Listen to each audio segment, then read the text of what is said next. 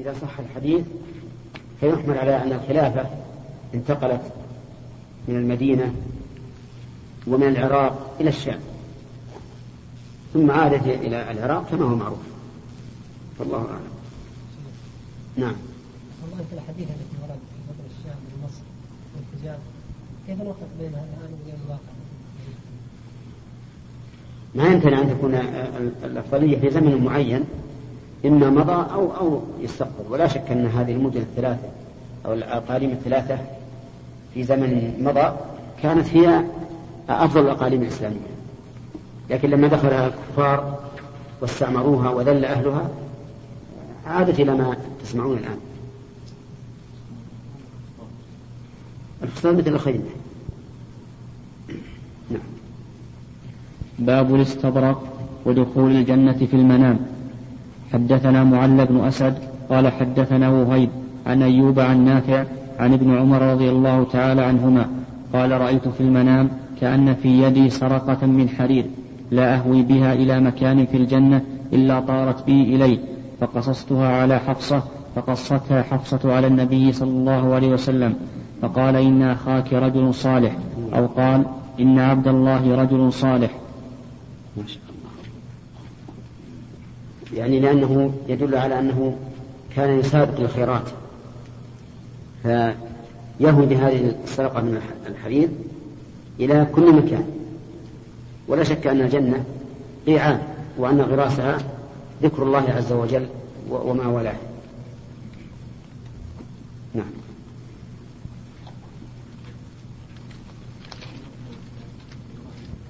نعم.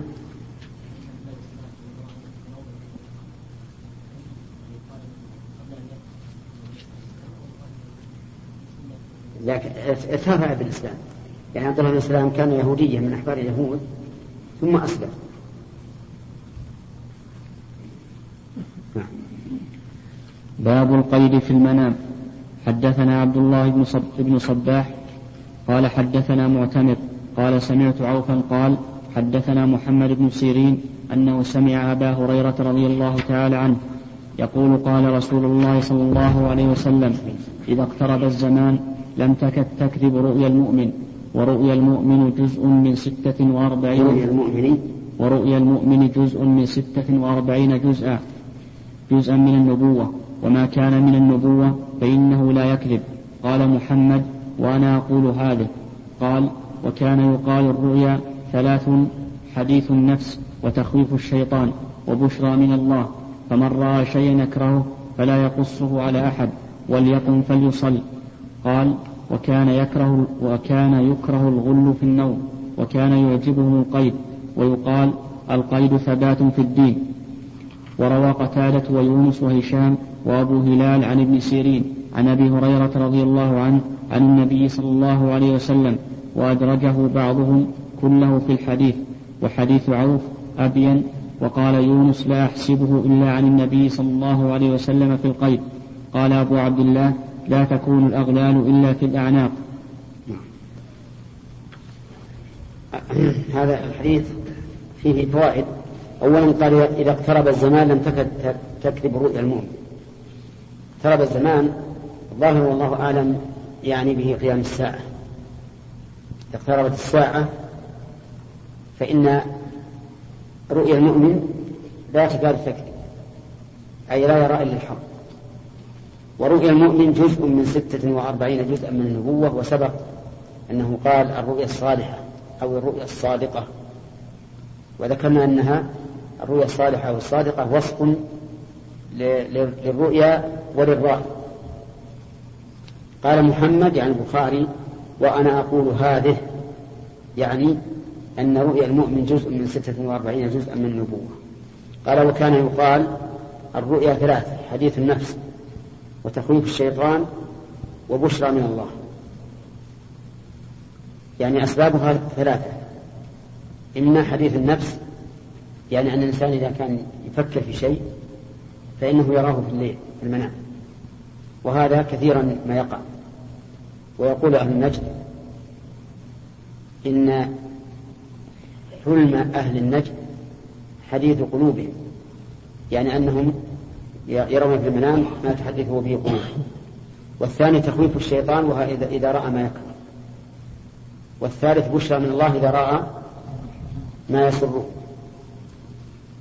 وهناك قسم رابع من الشيطان أيضا وهي الرؤيا التي لا يعرف لها أساس ولا أصل وإنما هي من جنس آه، هذيان الهرم والشيخ الكبير وما أشبه ذلك. فمن رأى شيئا يكرهه فلا يقص على أحد وسبق الكلام على هذا. وليقل فليصل سبق الكلام عليه. وذكرنا أن من رأى من يكره ما يكره إنه يؤمر بأمور أربعة وخمسة. أولا التكبير عن يساره ثلاث مرات. أن يستعيذ بالله من شر الشيطان ومن شر ما رأى. الثالث يا إخواني أولا يدخل عن يساره ثلاث مرات. يستعيذ بالله من شر الشيطان ومن شر ما رأى. ينقلب إلى الجنب الثاني. لا يخبر بها أحدا. إذا عرف عليه قام فصلى. خمسة أشياء. إذا رأى الإنسان ما يكره وبذلك يسلم من شرها نعم. نقول لا يخبر أحد. إذا لم يخبر فإنه لن يعولها طيب. أما البشرى فقد سبق أن الإنسان إذا رأى ما يحب فلا يقصها إلا على من؟ من يحبه. نعم. إي نعم من يحبه. لا يقصها إلا على الرجل الذي يحبه يعني المقصوص عليه. نعم. نعم صحيح. ما هي عندي وهي نعم. لا ما هي عندي. موجودة بالحاشية نسخة طيب القيد إذا رأى الإنسان قيدا في يديه فهو ثبات في الدين. وإذا غل وإذا رأى غلا والغل يكون في العنق هكذا فهو ضيق. ففرق بين القيد الذي يفيد تقيد الإنسان بدينه وثباته, وثباته عليه وبين الغل. الذي هو الضيق على الإنسان. شوف الكلام على قال محمد وأنا أقول هذا. من هذا إلى آخره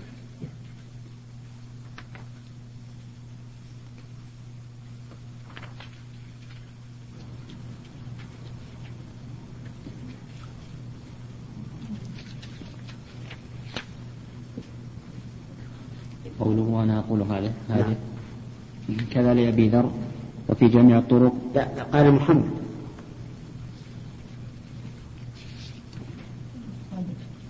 حدث محمد. قوله وأنا أقول هذه. ما قال قال محمد؟ لا ما سبحان الله نعم. نعم قال محمد. ها؟ تظهر شطرين ما نعم ثم ظهر لي ثم ظهر لي أن قوله بعد هذا قال محمد وأنا أقول هذه. الإشارة في قول هذه لجملة المذكورة وهذا هو السر في إعادة ما هي قوله ورؤيا المؤمن جزء الحديث هو معطوف على جملة الحديث الذي قبله وهو إذا اقترب الزمان. الحديث فهو مرفوع أيضا وقد تقدم شرحه مستوفا قريبا. وقوله وما كان من النبوة فإنه لا يكذب هذا القدر لم يتقدم في شيء من طرق الحديث المذكور. وظاهر, وظاهر إراده هنا أنه مرفوع. ولئن كان كذلك فإنه أولى ما فسر به المراد من النبوة في الحديث وهو صفة الصدق. ثم ظهر لي أن قوله بعد هذا قال محمد وأنا أقول هذه الإشارة في قوله هذه للجملة المذكورة. وهذا هو السر في إعادة قوله قال بعد قوله هذا. ثم رأيت في بغية النقاد لابن المواق أن عبد الحق أغفل التنبيه على أن هذه الزيادة مدرجة وأنه لا وأنه لا شك في إدراجها. فعلى هذا فهي من قول ابن سيرين وليست مرفوعة. قوله وأنا أقول هذه كذا لأبي ذر وفي جميع الطرق وكذا ذكره الإسماعيلي وأبو نعيم في مستخرجيهما. ووقع في شرح ابن بطال وأنا أقول هذه الأمة وكان يقال لآخره قلت وليست هذه اللفظة في شيء من نسخ صحيح البخاري ولا ذكرها عبد الحق في جمعه ولا الحميدي ولا من أخرج حديث عوف من أصحاب الكتب من أصحاب الكتب والمسانيد. وقد وقد تقلده عياض فذكره كما ذكره ابن بطال وتبعه في شرحه فقال خشي ابن سيرين أن يتأول أحد معنى قوله وأصدقهم رؤيا أصدقهم حديثا أنه إذا تقارب الزمان لم يصدق إلا رؤيا الرجل إلا رؤيا الرجل الصالح فقال وإذا قال محمد ليس هو البخاري ولكنه ابن سيرين نعم إحنا ذكرنا انه البخاري ولكن تبين الان انه ليس ليس إياه. نعم. استمر وأنا أقول هذه الأمة يعني رؤيا هذه الأمة صادقة. صادقة كلها صالحها وفاجرها. ليكون صدق رؤياهم زاجرا لهم وحجة عليهم لدروس أعلام الدين وطموس آثاره بموت العلماء وظهور المنكر. انتهى. وهذا مرتب على ثبوت هذه الزيادة وهي لفظة الأمة. ولم نجدها في شيء من الأصول. وقد قال أبو عوانة الإسرائيلي بعد أن أخرجه موصولا مرفوعا من طريق هشام عن ابن سيرين هذا لا يصح مرفوعا عن ابن سيرين. قلت وإلى ذلك أشار البخاري في آخره بقوله وحديث عوف أبين أي حيث فصل. أي حيث فصل المرفوع من الموقوف. قوله قال وكان يقال الرؤيا ثلاث إلى آخره. قائل قال هو محمد بن سيرين. وأبهم القائل في هذه الرواية وأبهم القائل في هذه الرواية وهو أبو هريرة. وقد رفعه بعض الرواة ووقفه بعضهم. وقد أخرجه أحمد عن هولة بن خليفة عن عوف بسنده مرفوعا. الرؤيا ثلاث الحديث مثله مثله الحديث مثله. وأخرجه الترمذي والنسائي من طريق سعيد بن أبي عروبة عن قتادة عن ابن سيرين عن أبي هريرة رضي الله عنه. قال قال رسول الله صلى الله عليه وسلم الرؤيا ثلاث. فرؤيا حق ورؤيا يحدث بها الرجل نفسه ورؤيا ورؤيا تحزين من الشيطان. وأخرجه مسلم وأبو داود والترمذي من طريق عبد الوهاب الثقفي عن أيوب عن محمد بن سيرين مرفوعا. بن سيرين مرفوعا أيضا بلفظ الرؤيا ثلاث فالرؤيا الصالحة بشرى من الله والباقي نحوه. قوله حديث النفس وتخويف الشيطان وبشرى من الله. وقع في حديث عوف بن مالك أن ابن ماجه بسند حسن. رفعه الرؤيا ثلاث منها أهاويل, أهاويل من الشيطان ليحزن ابن آدم ومنها ما يهم به الرجل في يقظته فيراه في منامه ومنها جزء من ستة وأربعين جزءا من النبوة. قلت وليس الحص مرادا من قوله ثلاث لثبوت نوع الرابع في حديث أبي هريرة في الباب وهو حديث النفس. وليس في حديث أبي قتادة وأبي سعيد الماضيين سوى ذكر وصف الرؤيا لأنها مكروهة ومحبوبة. أو حسنة وسيئة وبقي نوع خامس وهو تلاعب الشيطان وقد ثبت عند مسلم من حديث جابر. قال جاء أعرابي فقال يا رسول الله رأيت في المنام كأن راسي قطع فأنا أتبعه وفي لفظ فقد خرج فاشتددت في أثره. فقال لا تخبر بتلاعب الشيطان بك في المنام. وفي رواية له إذا تلاعب الشيطان بأحد بأحدكم في منامه فلا يخبر به الناس. ونوع سادس وهو رؤيا ما يعتاده الرائي في اليقظة كمن كانت عادته أن يأكل في وقت فنام فيه فرأى أنه يأكل أو بات صا أو بات صا صائما أو بات طافحا من أكل أو شرب فرأى أنه يتقيأ وبينه وبينه وبينه وبينه وبين حديث النفس وبينه وبين حديث النفس عموم أو عموم وخصوص وسابع وهو الأضغان قوله فمن رأى شيئا سابع إيش؟ وهو الأضغاث نعم نعم. نعم. كمل. قوله فمن رأى شيئا أكرهه فلا يقصه على أحد وليقم فليصل. زاد في رواية عودة فإذا رأى أحدكم رؤيا تعجبه فليقص فليقصها على من يشاء. وإذا رأى شيئا أكرهه فذكر مثله. ووقع في رواية أيوب عن محمد بن سيرين فليصلي ولا يحدث بها الناس. وزاد في رواية سعيد بن أبي عروبة عن ابن سيرين عند الترمذي وكان يقول لا تقص الرؤيا إلا على عالم أو ناصح. وهذا ورد معناه مرفوعا من حديث في حديث أبي رزين أمارة. نعم. ووقع في رواية أيوب عن محمد بن سيرين فليصلي ولا يحدث بها الناس. وزاد في رواية سعيد بن أبي عروبة عن ابن سيرين عند الترمذي وكان يقول لا لا تقص الرؤيا لا تقص الرؤيا إلا على عالم أو ناصح. وهذا ورد معناه مرفوعا في حديث أبي رزين عند أبي داود والترمذي وابن ماجه ولا يقصها إلا على واد أو ذي رأي وقد تقدم شرح هذه الزيادة في باب الرؤيا من الله تعالى. قوله قال وكان يكره الغل في النوم. يكره الغل في النوم. ويوجبهم القيد. ويقال القيد ثبات في الدين. كذا ثبت هنا بلفظ الجمع.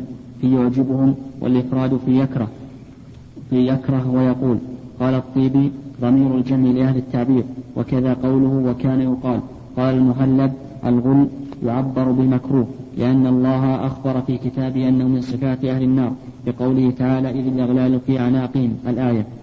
وقد يدل على الكفر وقد يعبر بامرأة تؤذي وقال ابن عربي إنما حب القيد لذكر النبي صلى الله عليه وسلم له في في قسم المحمود. فقال قيد الإيمان الفتك. نعم. بذكر النبي صلى الله عليه وسلم له في قيد المحمود فقال قيد الإيمان الفتك. ثبت الفتك. إيش؟ الفتك بالفاء. فقال قيد الإيمان الفتك وأما الغل فقد فقد كره شرعا في المفهوم كقوله خذوه فغلوه. وإذ الأغلال في أعناقهم ولا تجعل يدك مغلولة إلى عنقك وغلت أيديهم. وإنما جعل القيد ثباتا في الدين لأن المقيد لا يستطيع المشي فضرب مثلا للإيمان الذي يمنع عن المشي إلى الباطل.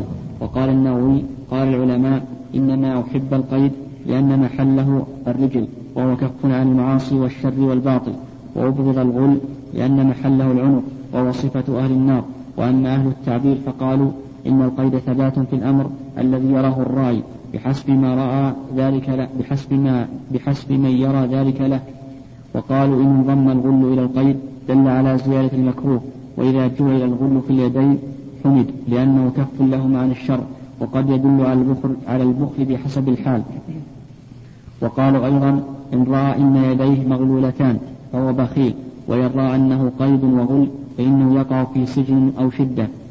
قلت وقد يكون الغل في بعض المراء محمودا كما وقع لأبي بكر الصديق فأخرج أبو بكر بن أبي شيبة بسند صحيح عن مسروق. قال مر صهيب, مر صهيب بأبي بكر فأعرض عنه فسأله فقال رأيت في يدك رأيت يدك مغلولة على باب أبي الحشر رجل من الأنصار. فقال فقال أبو بكر جمع لي ديني إلى يوم الحشر. وقال الكرماني اختلف في قوله وكان يقال هل هو مرفوع أو لا؟ فقال بعضهم من قوله وكان يقال إلى قوله في الدين مرفوع كله وقال بعضهم هو هو كله كلام ابن سيرين وفاعل كان يكره أبو هريرة قلت أخذه من كلام الطيبي فإنه قال يحتمل أن يكون مقولا للراوي عن ابن سيرين فيكون اسم فيكون اسم كان ضميرا ضميرا لابن سيرين وأن يكون مقولا لابن سيرين واسم كان ضمير أبي هريرة أو النبي صلى الله عليه وسلم. وقد أخرجه مسلم من وجه آخر. عن ابن سيرين وقال في آخره لا أدري هو في الحديث أو قاله ابن سيرين. قوله ورواه قتادة ويونس وهشام وأبو هلال عن ابن سيرين عن أبي هريرة عن النبي صلى الله عليه وسلم. يعني أصل الحديث. وأما من قوله وكان يقال فمنهم من رواه بتمامه مرفوعا ومنهم من اقتصر على بعض كما سأبينه. قوله وأدرجه بعضهم كله, كله في الحديث يعني جعل يعني جعله كله مرفوعا. والمراد به رواية هشام. رواية هشام عن قتادة كما سأبينه قوله وحديث عوف أبين أي, حد أي حيث فصل المرفوع من الموقوف ولا سيما تصريحه بقول ابن سيرين. وأنا أقول هذه فإنه دال على الاختصاص بخلاف ما قال فيه وكان يقال فإن فيها الاحتمال بخلاف أول الحديث فإنه صرح برفعه. وقد اقتصر بعض الرواة عن عوف على بعض ما ذكره معتمر بن سليمان. عنه كما كما بينته من رواية هوذة وعيسى بن يونس. قال القرطبي ظاهر السياق أن الجميع من قول النبي صلى الله عليه وسلم غير أن أيوب هو الذي روى هذا الحديث عن محمد بن سيرين عن أبي هريرة وقد أخبر عن نفسه أنه شك أهو من قول النبي صلى الله عليه وسلم أو من قول أبي هريرة فلا يعول على ذلك الظاهر. قلت هو حص مردود وكأنه تكلم عليه بالنسبة لرواية مسلم الخاصة فإن مسلما ما أخرج طريق ما أخرج طريق عوف هذه ولكنه أخرج طريق قتادة عن محمد بن سيرين. فلا يلزم من كون أيوب شك أن لا يعول على رواية من لم يشك وهو قتادة مثلا. لكن لما كان في الرواية المفصلة زيادة فرجحت. قوله وقال يونس لا أحسبه إلا عن النبي صلى الله, صلى الله عليه وسلم في القيد. يعني أنه شك في رفعه. قوله قال أبو, أبو عبد الله والمصنف قوله لا تكون الأغلال إلا في الأعناق كأنه يشير إلى الرد على من قال قد يكون الغل في غير العنق كاليد والرجل والغل بضم المعجمة وتشديد اللام وأحد الأغلال. قال وقد أطلق, وقد أطلق بعضهم الغل على ما تربط به اليد وممن ذكره أبو, أبو علي القالي وصاحب المحكم وغيرهما. قالوا الغل جامع جامعة تجعل في العنق أو اليد والجمع أغلال ويد مغلولة جعلت في الغل. ويؤيده قوله تعالى غلت أيديهم. كذا استشهد به الكرماني. وفيه نظر لأن اليد تغل في العنق وهو عند أهل التعبير عبارة عن كفهما عن الشرع ويؤيده منام صهيب في حق أبي بكر الصديق كما تقدم قريبا. خلاص. لا طيب. طيب. نعم.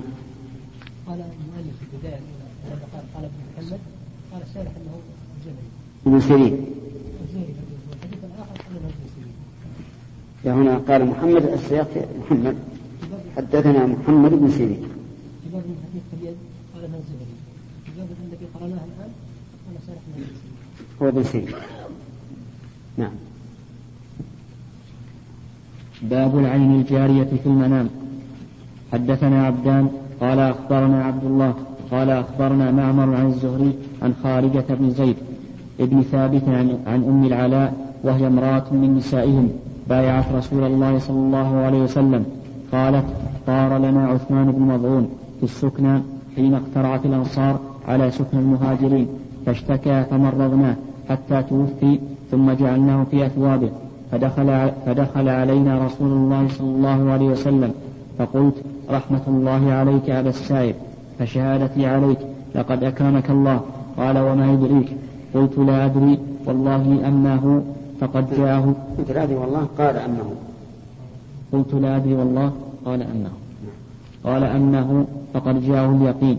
إني لأرجو له الخير, الخير من الله.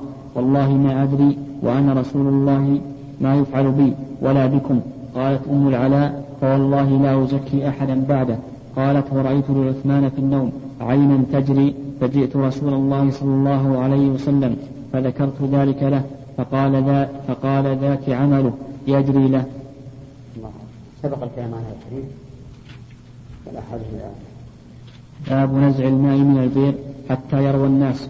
رواه أبو هريرة عن النبي صلى الله عليه وسلم.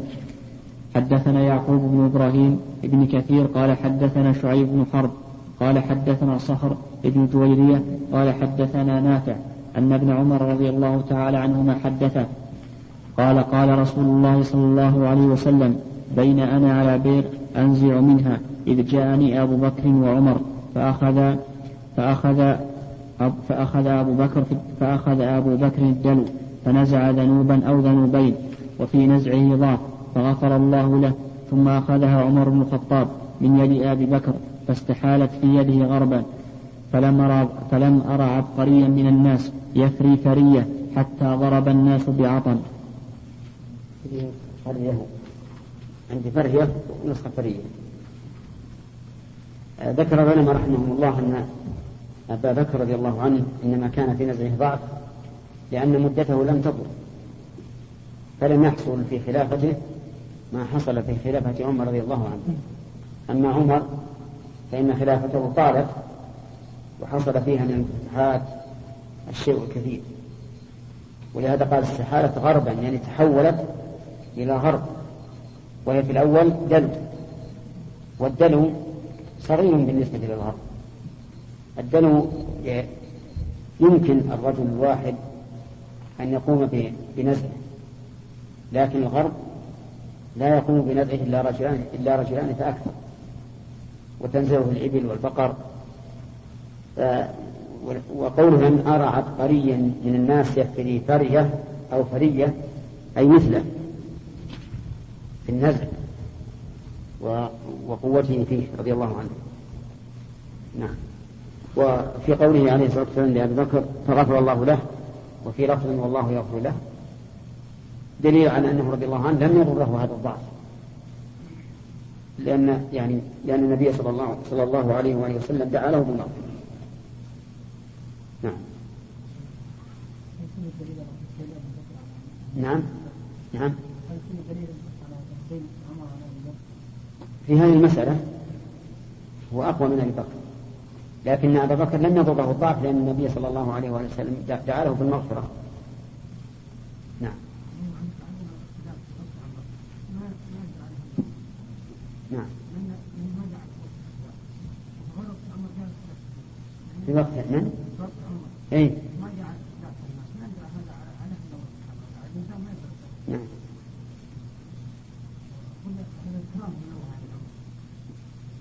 ما في شك انها حمايه من الله عز وجل لهذا الدين أن يبقى في هذه القوة. نعم. إيش؟ إيش؟ نعم. نعم. نعم. فلم, فلم أرى عبقريا من الناس.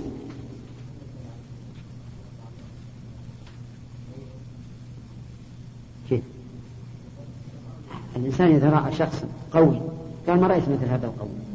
سواء كان أمامه ناس كثيرون ينزعون أو لا كيف؟ إيه؟ كيف غير؟ الآن إذا رأيت رجلا شديدا قويا تقول ما رأيت رجلا يفعل مثل فعله هذا سوء معروف عند العرب حتى وقتنا هذا حتى لو فرض إنك ما رأيت ولا واحد تقول هذا الكلام باب نزع الذنوب والذنوبين من البئر بضاف حدثنا أحمد بن يونس قال حدثنا زهير قال حدثنا موسى بن عقبة عن سالم عن أبيه عن رؤيا النبي صلى الله عليه وسلم في أبي بكر وعمر. قال رأيت الناس اجتمعوا فقام أبو بكر فنزع ذنوبا أو ذنوبين وفي نزعه ضعف والله يغفر له. ثم قام عمر بن الخطاب فاستحالت غربا فما رأيت من الناس يفري, يفري فرية حتى ضرب الناس حتى ضرب الناس بعطن وحدثنا سعيد بن عفير قال حدثنا الليث قال حدثني عقيل عن ابن شهاب قال أخبرني سعيد أن أبا هريرة رضي الله عنه أخبره أن رسول الله صلى الله عليه وسلم قال بين أنا نائم رأيتني على قليب وعليها دلو فنزعت منها ما شاء الله ثم أخذها ابن أبي قحافة فنزع منها ذنوبا أو ذنوبين وفي نزعه ضعف والله يغفر له. ثم استحالت غربا فأخذها عمر بن الخطاب فلم أرى عبقريا من الناس ينزع نزع عمر, عمر بن الخطاب حتى ضرب الناس بعطن باب الاستراحة في المنام. نعم. ما فيش؟ في أي مكان؟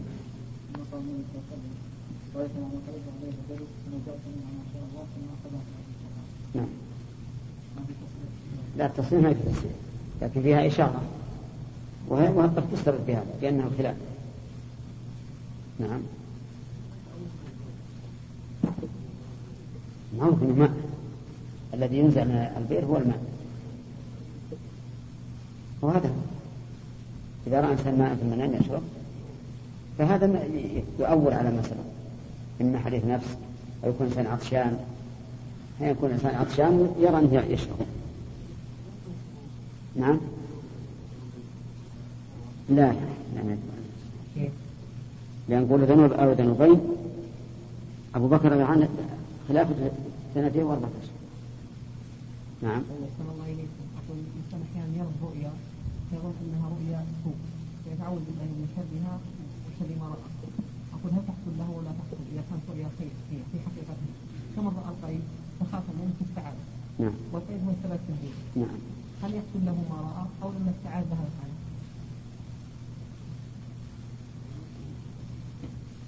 الحال قد قد يعاقب ويحرم خير هذا الرؤيا لأنه لم يتثبت.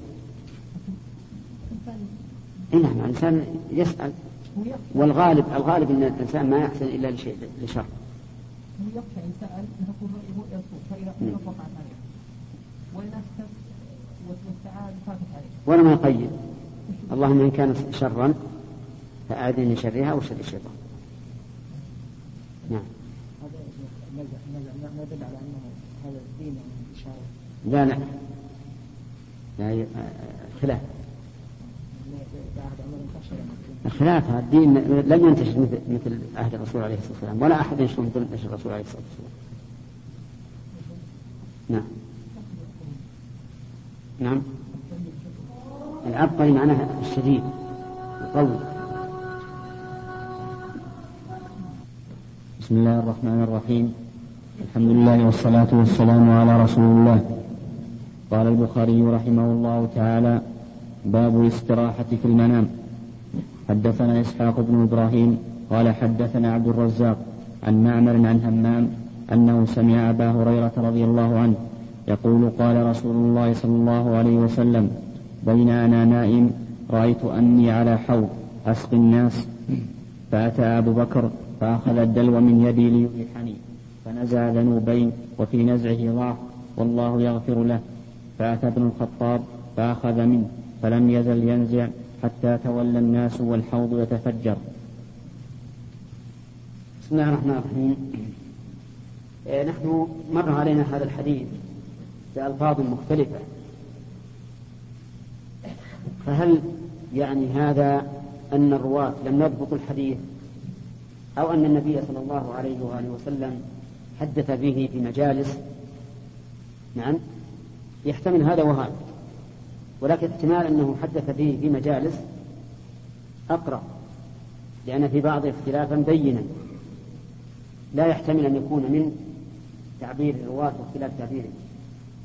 ولكن الرسول عليه الصلاة والسلام في مثل الأمور الهامة قد يتحدث بها في مجالس متعددة فمرة يقول هكذا ومرة يقول هكذا ثم يأخذها عنه الصحابة ثم من بعده. نعم. وقد مر الكلام على هذا الحديث من قبل. باب القصر في المنام. حدثنا سعيد بن عفير قال حدثنا الليث قال حدثنا عقيل عن ابن شهاب قال أخبرني قال أخبرني سعيد بن المسيب أن أبا هريرة رضي الله عنه قال بينا نحن جلوس عند رسول الله صلى الله عليه وسلم. قال بين أنا نائم رأيتني في الجنة فإذا امرأة تتوضأ فتوضأ إلى جانب قصر. قلت لمن هذا القصر؟ قالوا لعمر بن الخطاب. فذكرت غيرته فوليت مدبرا.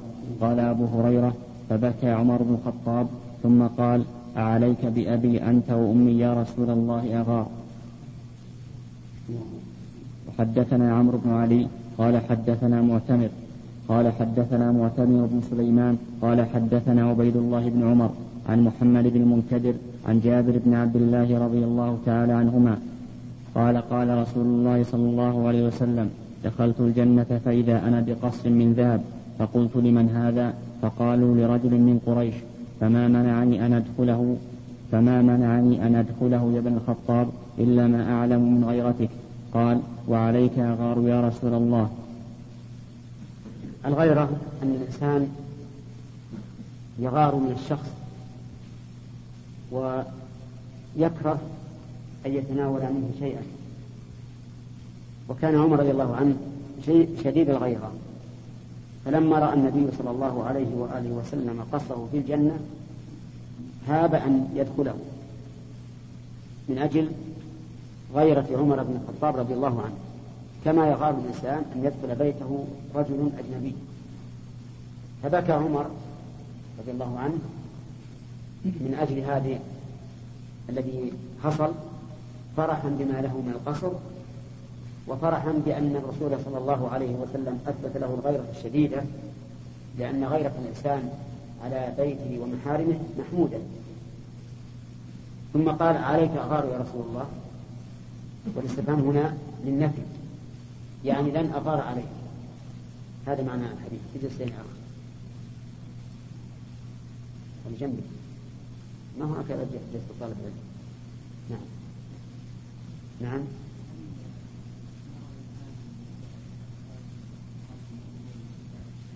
هل إيش؟ هل؟ الجنة ليس فيها تكليف. والدنيا إنما منع الإنسان من النظر لغير محارمه خوفا من الفتنة. وفي الجنة ليس هناك فتنة وليس هناك تكليف نعم. ان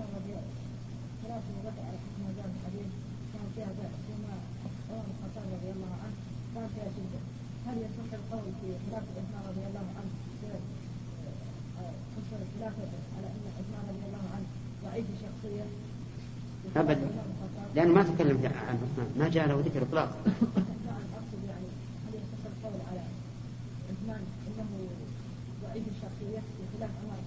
من أين من أين يؤخذ؟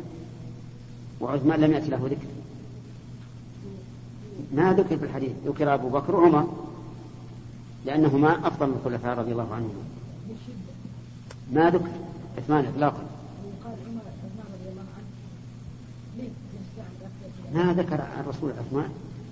إيش أنت؟ هو ذكره؟ ذكر أبو بكر وعمر فقط. ما في شدة. عثمان ما تكلم فيه لا بشدة ولا بلين ولا تكلم عن خلافته ابدا وتعرف شدة الخليفة أو لينه من سيرته. يعني ليس ليس لازما أن الرسول ينص على كل شيء. نعم عليان. أحيانا تذكر حديث النبي صلى الله عليه وسلم تفسر بخلاف ما رأى الرأي. أحيانا تفسر بخلاف ما رأى الرأي. البقرات في سورة يوسف. أنا فسرت بالسنوات وهو القصد فسر بالقصد كما هو. يقال من أول الرؤيا يجعلها على ظاهره. على كل حال الرؤيا حسب حال الرائي وقد ذكرنا لكم أن أنه يفسر المؤذن مرة. إذا رأى نفسه يؤذن يفسر بتفسير وإذا ويفسر بتفسير آخر إذا رآه شخص آخر. حسب حال الراعي نعم. قد يكون. قد نقول هذا وقد نقول إنه معنى آخر. ضرب مثلا لشيء شيء آخر. ثلاثة أسئلة ما فيها أكثر منها نعم. باب الوضوء باب الوضوء في المنام. حدثنا يحيى بن بكير قال حدثنا الليث عن أقيل عن ابن شهاب قال أخبرني سعيد بن المسيب أن أبا هريرة رضي الله عنه قال بينما نحن جلوس بينما نحن جلوس مع رسول الله صلى الله عليه وسلم. قال بين أنا نائم رأيتني في الجنة فإذا امرأة تتوضأ إلى جانب قصر فقلت لمن هذا القصر؟ فقالوا, فقالوا لعمر. فذكرت غيرته فوليت مدبرا فبكى عمر وقال عليك بأبي أنت وأمي يا رسول الله أغار؟ هذا الوضوء من من غير الرأي يعني رأى امرأة تتوضأ إلى جانب هذا القصر لكن لو رأى لو رأى النائم نفسه يتوضأ فبماذا نفسر هذه الرؤيا؟ أقرب ما نفسرها به أن الرجل قد تاب توبة نفعته لأن الوضوء مكبر للخطايا. تخرج خطايا الوجه ثم اليدين ثم الرأس كلما طهرها الإنسان. فإذا رأى الإنسان نفسه يتوضأ فهذا خير. تدل على أنه نزع من الذنوب وتاب منها. نعم. ما ذكر شيء على الترجمة هذه من حجر؟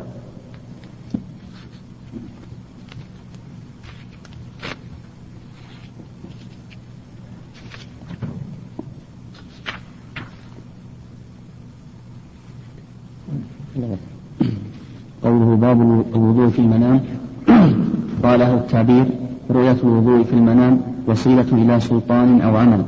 فإن أتمه في النوم حصل مراده في اليقظة. وإن تعذر لعجز الماء مثلا أو توضأ بما لا تجوز الصلاة به فلا.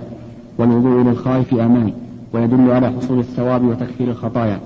وذكر في حديث أبي هريرة.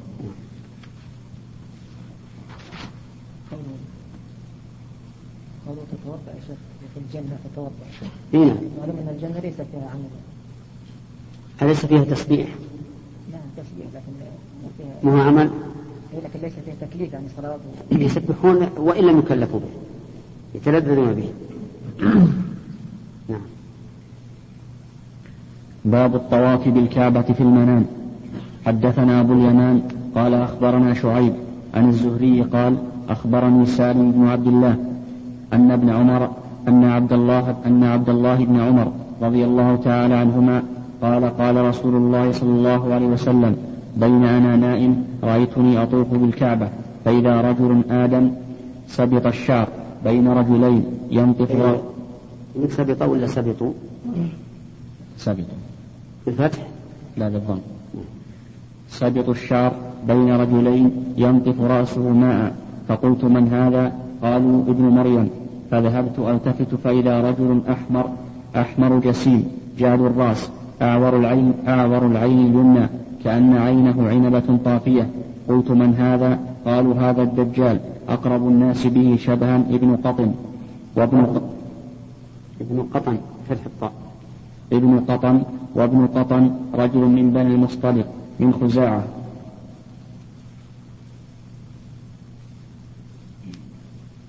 مر علينا نعم. باب نعم. إيش؟ لا لا. من خزاعة نعم. إيش؟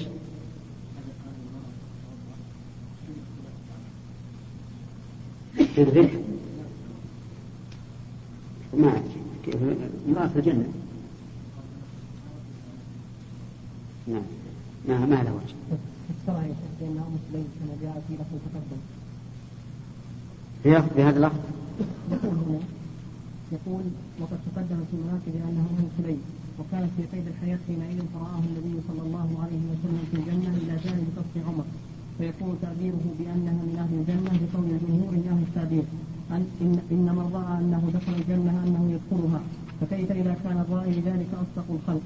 وأما وضوءها من الرقم يحتاج راجعها في المناقب وعلمنا مناقب عمر. نعم. باب إذا أعطى فضله غيره في النوم.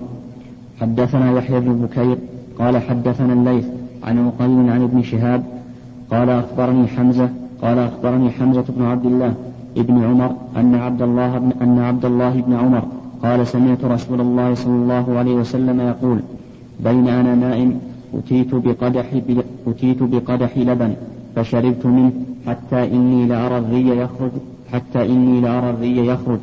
ثم حتى إني لأرى الري يجري ثم أعطيت فضله عمر. قالوا فما أولته يا رسول الله؟ قال العلم. مر علينا هذا. باب الأمن وذهاب الروع في المنام. حدثني عبيد الله بن سعيد قال أخبر قال حدثنا عفان بن مسلم قال حدثنا صخر بن جويرية قال حدثنا نافع أن ابن عمر رضي الله تعالى عنه قال إن رجالا من أصحاب رسول الله صلى الله عليه وسلم كانوا يرون الرؤيا على عهد رسول الله صلى الله عليه وسلم فيقصونها, فيقصونها على رسول الله صلى الله عليه وسلم فيقول فيها رسول الله صلى الله عليه وسلم ما شاء ما شاء الله وأنا غلام حديث السن وبيتي وبيت المسجد قبل أن أنكح فقلت في نفسي لو كان فيك خير لرأيت, لرأيت مثل ما يرى هؤلاء. فلما اضطجعت ليلة قلت اللهم إن كنت تعلم في خيرا فأرني رؤيا فبين أنا كذلك إذ جاءني ملكان في يد كل واحد منهما مقمعة. مقمعة من حديد يقبلان بي إلى جهنم وأنا بينهما أدعو الله اللهم اللهم أعوذ بك من جهنم. ثم أراني لقيني ملك في يده مقمعة من حديد فقال لن تراع نعم الرجل أنت لو تكثر الصلاة فانطلقوا بي حتى وقفوا بي على شفير, على شفير جهنم. فإذا هي مطوية كطي البئر له قرون له قرون كقرون البئر. بين كل قرنين ملك بيده مقمعة من حديد وأرى فيها رجالا معلقين بالسلاسل رؤوسهم, أسفل رؤوسهم أسفلهم. عرفت فيها رجالا من قريش فانصرفوا بي عن ذات اليمين فقصصتها على حفصة فقصتها حفصة على رسول الله صلى الله عليه وسلم. فقال رسول الله صلى الله عليه وسلم إن عبد الله رجل صالح. فقال نافع لم يزل بعد ذلك يكثر الصلاة. هذا الحديث فيه فوائد. منها جواز اتخاذ المسجد مبيتا عند الحاجة. لفعل ابن عمر رضي الله عنهما حيث قال بيتي المسجد. أما مع مع مع عدم الحاجة فلا. فلا ينبغي للإنسان أن يجعل المسجد بيتا له. إلا ما ندر مثل أن مثل الاعتكاف المشروع في المسجد أو مثل أو إنسان مر ببلد ونزل فيه وجعل المسجد بيتا له وهذه حاجة. فالمهم أنه لا ينبغي اتخاذ المسجد بيتا إلا لحاجة شرعية أو عادية.